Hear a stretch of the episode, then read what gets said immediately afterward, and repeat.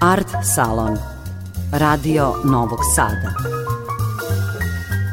Umetničke ideje, mišljenja, kretanja i poetike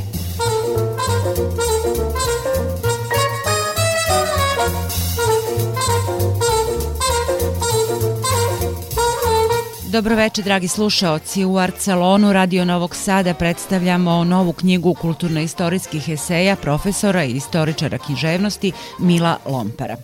Esejista čija je polemička knjiga Duh samoporicanja imala čak 13 izdanja, a naslovna sintagma postala deo dnevnopolitičkog jezika i novom zbirkom Oproštaj s intelektualcem otvara probleme koje istina i etika postavljaju pred savremenog intelektualca – O tome govori u esejima o ličnostima iz srpske istorije i značajnim savremenicima i njihovom odnosu sa svetom. Intelektualac, kaže Milo Lompar, mora danas da bude svestan svoje beznačajnosti, ali to nije razlog da odustane od svog poziva. Ako u ovoj temi koja je veoma bitna i prisutna u 20. veku, treba da damo neku ocenu koja bi danas bila merodavna i koja bi bila merodavna za mene. Onda je ključna e, osobina današnjeg intelektualca koji je figura u senci, ako ne i u iščezavanju, e, a kazat ću zašto, u tome da se on mora zamerati i strani koju zastupa. Dakle, intelektualci imaju svoja polazišta, oni imaju svoje stavove, oni imaju horizont koji biraju kao ono što uh, okupira njihovu angažovanost, ali uh, oni moraju neprestano negovati uh, misao da između njihovih stavova i onoga što se u stvarnosti događa čak i sa pozivanjem na njihove stavove postoji jedna neprelazna granica. To znači da intelektualac mora biti spreman da se zamera i, kažem, strani koju zastupa. To je ta neugodna pozicija koja je na neki način meni bitna u razumevanju same ove figure. Inače, između čoveka i Boga je bio sveštenik. I to je ishodišno mesto intelektualca. On odatle potiče. Kad je moderna na neki način, od renesanse pa postepeno u fazama, mesto Boga na izvestan način stavljala u senku, sve do onog Ničeovog čuvenog uzvika Bog je mrtav, a to je već vesela nauka, to je već neka 1882. valjda godina, Dakle, to mesto moći je postalo ospoljeno. Bog je na neki način objašnjavao zašto je svet takav kakav jeste, zašto je crkva moćna, a sebar nemoćan, zašto unutar nekih e, sadržaja sveta jedni imaju više, a drugi manje prava. Bog je bio jedna vrsta univerzalnog objašnjenja za sve to, pa sad se to objašnjenje čitalo u različitim registrima, političkim, ideološkim, materijalnim i tako dalje. A onda je moderna to polako sklanjala i ostala je moć. Pokazalo se da moć želi neku drugu vrstu organizacije sveta i samim tim svesti. Moć je na neki način sa francuskom revolucijom postala javna.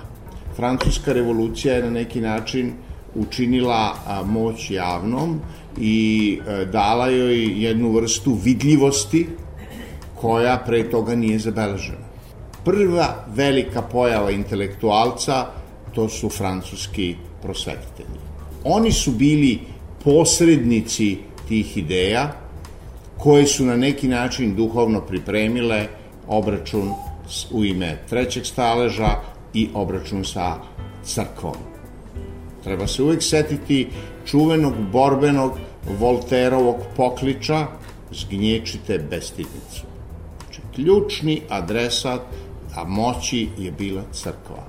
Oni koji su uzdrmavali tu prilično trošnu građevinu, davali nadu, snagu e, čitavom jednom građanskom sloju koji se budio trgovcima, advokatima, kretanju e, novca preko Atlantika, e, jednu vrstu bogaćenja koje je brže, jer je brzina postala bitan činilac. Aristokratija je bila zemljoposednička, a trgovina, prenos brodova sa jedne na drugu obalu okeana je donosio brži promet novca, Dakle, trgovci su postajali bogatiji od, uh, od plemića, dakle, odvijala se jedna promena koja se tu događala. Dakle, u tom smislu, to kretanje je obezbedilo, imalo potrebu za svojim posrednikom. Trebalo je tu novu poziciju moći posredovati. I tu je intelektualac nasledio sveštenika. Ljudske tegobe, ljudske nevolje, ljudski porazi, bili su u nekom smislu u njegovoj a, a, nadležnosti. Pojavila se u ubrzanom a, dejstvu štampa. Intelektualac je veliki junak 19. veka jer je veliki junak štampe. On iznosi u štampi svoje mišljenja, on zastupa određene interese i na neki način ih okreće. 20. vek, kaže Milo Lompar, sve to ubrzava. Tri su knjige, smatra on, ključne za razumevanje ulege intelektualca. Izdaja intelektualaca Žilijena Bende s početka, potom Sartrov govor šta je intelektualac i pohvala intelektualaca koju je napisao s kraja 20. veka Bernard Henri Levy. Prva je knjiga pomenuta Žilijena Bende, izdaja intelektualaca, gde Žilijen Benda je potresen činjenicom da sa jedne strane vidi buđenje e, nacionalizma, nacionalsocijalizma, to je godina 1928. fašizma u Italiji koji vlada, a s druge strane komunizma, sovjetizma, dakle on uočava nešto što će biti inače e, referentno u misli intelektualaca e, prve polovine 20. veka, ta dva totalitarna impulsa, i on na neki način e, smatra da su intelektualci izdali šta? Izdali su svoju univerzalnost. On je naslednik prosvetiteljske tradicije koja insistira na univerzalnosti čoveka to što je bio veliki problem u polemikama protivnika prosvećenosti, recimo Joseph de Mester je govorio, ja sam u životu upoznao Francuza, Engleza, ali nikad, kaže, nisam upoznao ovaj čoveka, tog nekog abstraktnog čoveka, nego konkretne ljude.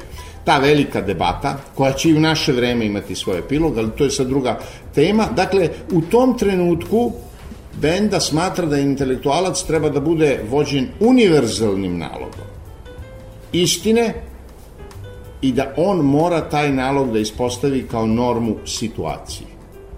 Negde u potekstu njegove knjige vidi se da on na neki način uh, pledira za ono što bismo nazvali građanskim društvom ili parlamentarnim društvom, liberalno-demokratskim društvom. I druga tačka koja je referentna je čuveno Sartrovo predavanje iz 1965. godine u Japanu, šta je to intelektualac? Sartre je čovjek koji je dao veliku auru ideje intelektualca. I to na dva načina, pišući o tome i ponašajući se u tome. Sartre je dao neka važna određenja. Prvo, treba razlikovati tehničara znanja od intelektualca. To nije isto. Tehničar znanja je čovek koji je stručan za ono za što je kvalifikovan. Kao čovek koji je stručan za ono što e, praktično e, je deo njegove profesije, tehničar znanja se drži u tom prostoru. Intelektualac jeste neko ko ima znanje, ali intelektualac je čovek javnosti. Nema intelektualca ako nema javnosti. Čovek koji nije javni čovek nije intelektualac. To ne znači da nije obrazovan, da nije stručan, da nije možda dublji mislilac od to druga tema. On nije intelektualac. E tu mi sad vidimo da je polje javnosti polje moći. Moć nikad ne pušta javnost da bude neutralna. Svaki poredak počiva, pa i najhaotičniji, počiva na nekom odnosu sila. Ima onih koji podržavaju i haotične poredke. Dakle, počiva na to. Intelektualac je, dakle, neko ko rizikuje, jer napušta polje svojih potvrđenih znanja i realizuje svoje mišljenje u područjima gde njegova znanja nisu garant da je istina na njegovoj strani. U tome je rizik. Često je Sartre karikiran u nekom smislu, jer je rečeno da je Sartrova definicija znači da je intelektualac čovek koji se angažuje u stvarima koje ga se uopšte ne tiču. Ali time se naglašava bezinteresnost. Dakle, ono što je Kant odredio kao estetsko, nama se dopada samo ono i lepo je samo ono što posmatramo lišini bilo kakvog praktičnog interesa. Znači, lepo se konstituiše u svesti ako nemamo potrebu da ga posjedujemo, da ga e, iskoristimo, da ga upotrebimo i tako. Znači, očišćeno od toga, jeli? to je na neki način prevedeno unutar ove definicije koja je praktična ili da nazovemo etička definicija same stvari. Dakle, intelektualac se angažuje u stvarima koje na neki način, to je Bendino mišljenje, nema interesa. Sartre to preokreće. Kaže, ima interesa. Nema intelektualca ukoliko on ne rizikuje i postavlja se sa određenog stanovišta. I Sartre tu ide do kraja i kaže koje je to stanovište? To je stanovište potlačenih. To je Sartre u svojoj marksističkoj fazi i on kaže intelektualac se mora angažovati na strani potlačenih. Njegov angažman, a reč angažman je postala referentna reč u svetu, e, upravo e, Sartovim oglašavanjem. Dakle, nema toga ukoliko to nije na strani potlačenja.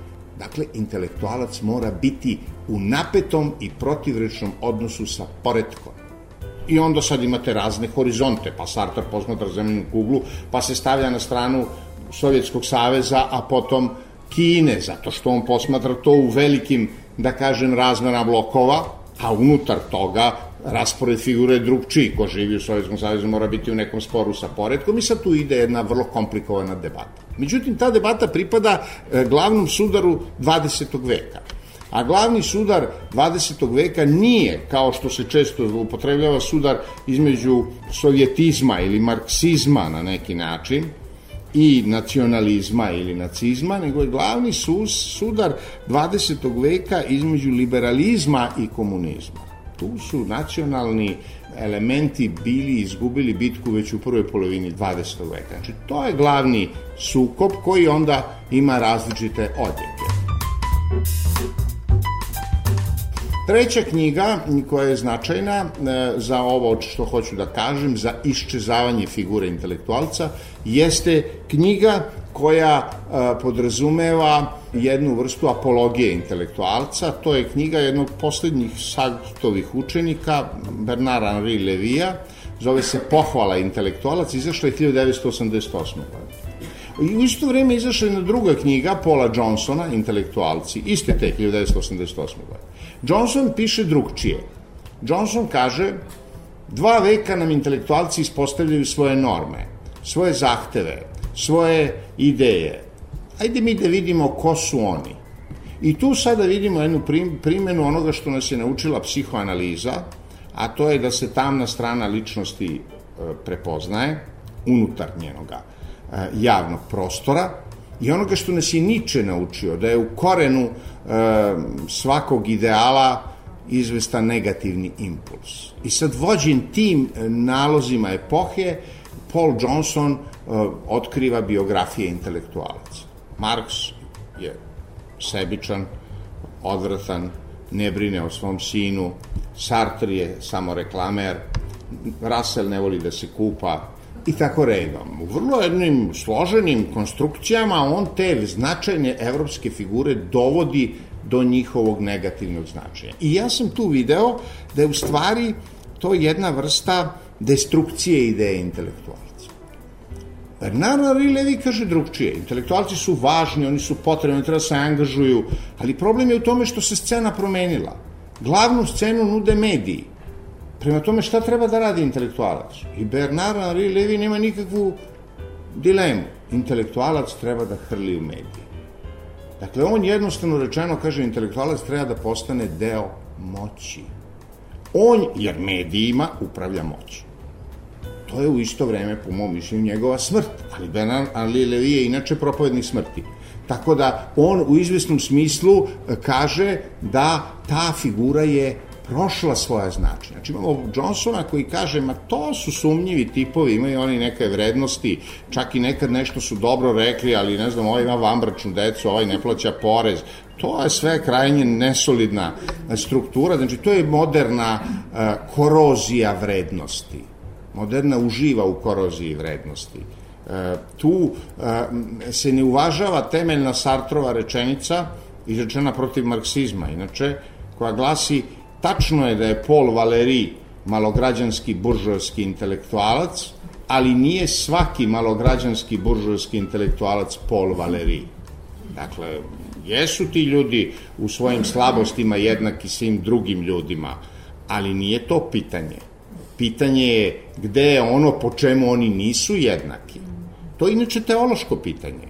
Kad bi bio samo mrak, ne bi bilo nikakvih nedoumica. Nedoumice počinju kad postavimo pitanje odakle svetlost. Znači, to je jedna opšta schema u kojoj se meni čini da je uloga intelektualca nestala. Zašto? Zato što ja mislim da između moći i mase tehnika je učinila da nema više potrebe za posrednik Dakle, nije u pitanju individualna slabost čoveka, njegov loš karakter. Ne, objektivno nema potrebe za njim. On je bio idealan transmisioni objekat, idealan relej da bi moć preko e, e, štampe saopštila, učinila jasnim i vidljivim nalog koji mase treba da prihvate, recimo kad je rak ili kad je bilo što drugo, i obrnuto on je bio idealan relej da prenese ono što mase nose kao svoju potrebu unutar horizonta moći. Sada je tehnička dimenzija egzistencije, njena e, pretočenost u sliku, njena brzina, učinila da posrednik nije potreban. Masa i moć su u direktnom odnosu. Moć upravlja masom direktno.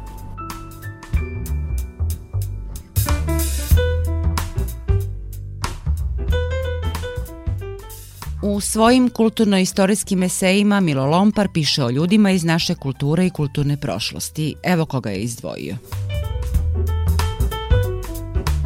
Kad je reč o Stojanu Novakoviću, on me zanima iz pozicije intelektualca kao e, nosioca moći. Stojan Novaković je bio predsednik e, vlade, bio je ministar prosvete, je poslanik, da, da, poslanik je bio, bio je Srpske kraljevske akademije i tako dalje. Znači, on je bio jedna figura koja je bila u skladu sa moći. I on pokazuje da intelektualac uh, u njegovom slučaju, i to nije uh, posebnost naša, Dizraeli je bio takav. Znači, to je bio jedan pisac koji je pisao romane, bio obrazovan, a bio je jedan od najvećih uh, premijera Velike Britanije i to u njenom veličanstvenom viktorijanskom periodu kad je nije sunce, kako glasi ona poznata fraza, zalazilo u imperiji nikad. Dakle, Stojan Novaković pokazuje intelektualca i moć i sad ja posmatram njegovo shvatanje književnosti, kako je on uklapa u horizonte kulture i kako iz horizonta kulture ih on vodi kao određenim opštim ciljevima, bilo jugoslovenskim, bilo političkim, bilo prosvetnim. Ne treba zaboraviti, Stojan Novaković je jedini pisac u istoriji srpskog naroda koji je napisao srpsku gramatiku iz koje se preko deset godina učilo u svim krajevima u kojima Srbi su živeli. Mi evo punih 130 godina posle toga, to je bilo pod kraj 19. veka, još uvek nismo sposobni da proizvedemo jednu bukvar i jednu gramatiku iz kojih će se učiti u Banja Luci, u Podgorici, u Novom Sadu i u Beogradu, nego slušamo da postoje Novosadska, Beogradska, Kragujevačka i ne znam koja više filološka škola i tako dalje i tako dalje. Tako da vidimo šta je to pokazuje. Pokazuje da je Stojano Aković bio e, nosilac kao i čitav taj e, naraštaj srpske inteligencije integralističke svesti. Znači, u redu, srpski narod živi u različitim državama, pod različitim režimima, ali on uči jedan isti jezik. I nije problem u Jekavsku, on je bio vatreni Vukova. Znači, to je jedna, to nije lingvistička zamisao, to je politička zamisao. Znači, tu vidite kako a, a, intelektualac upotrebljava moć da bi jedna ideja do koje on drži postala stvarnost.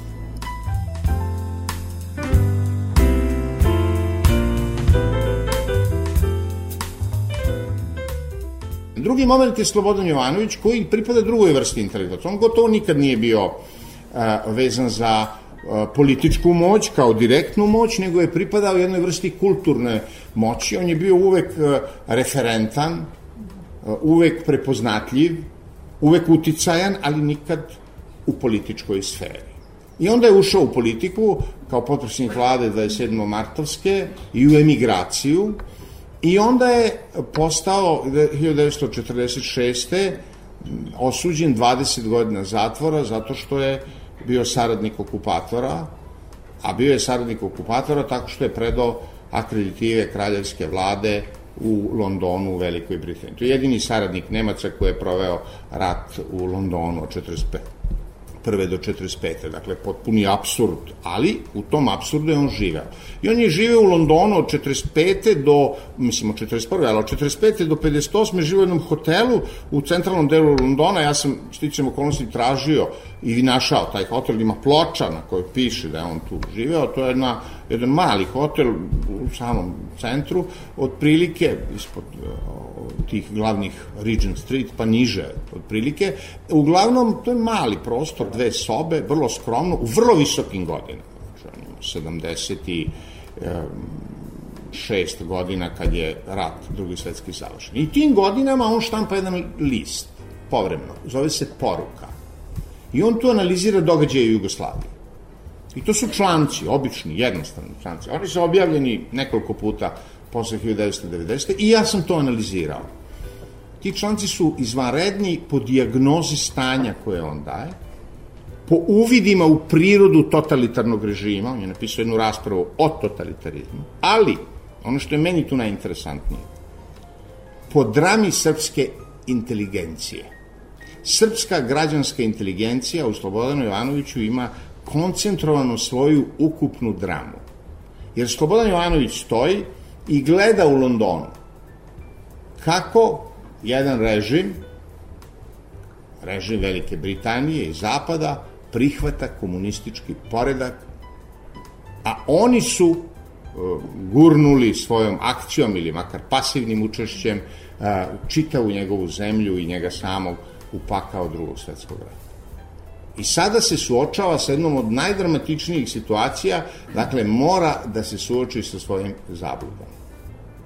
I sad to je zanimljivo u nekim polurečenicama, u nekim naznakama, jedna zanimljiva polurečenica kad je prva međunarodna poseta bila Josipa Broza Tita upravo e, kraljici Elizabeti u Londonu 1953. Sad, to je meni bilo tu interesantno. Kako jedan intelektualac osjeća da je u izvesnom smislu epohalno izigran. Kad ste epohalno izigrani, vi niste izigrani od konkretnog čoveka. Ovo kad ste izigrani od konkretnog čoveka, to je sticaj odnosa između vas i njega. Ali ovo je kad vas čita valjak istorije preokrene.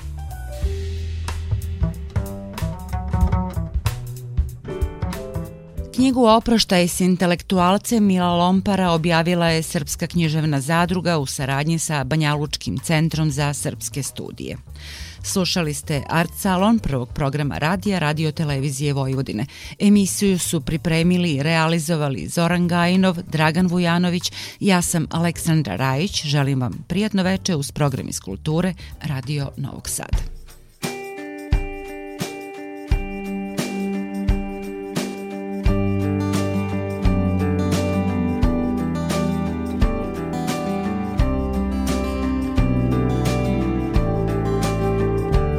Although I know my love for you is true, I seem to bring out the very worst in you. Perhaps you thought my love could be bought,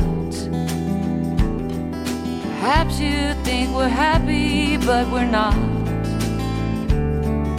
I tried to talk it out, but you just take it out on me. Shout at me to shut up, turn the volume up on the TV. When the neighbors all began to complain, you yell at me and tell me it's my treacheries to blame. I gave you my trust but I'm taking back the same for the things you are doing in our name.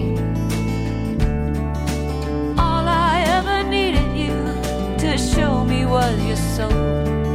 I see that all you ever really wanted was control. Now I know this wasn't part of your plan. I'm saying this citizen to country not woman to man. We should see other people. I believe we should see other believe with all my heart that we should start to see other people.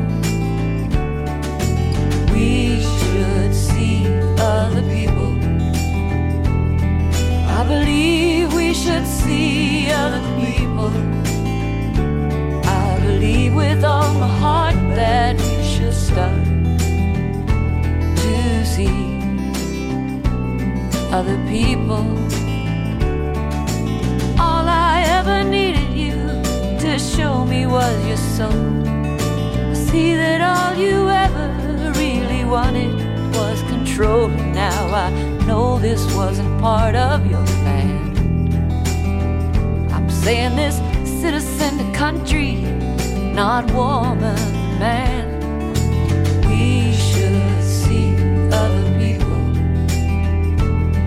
Believe we should see other people. I believe with all my heart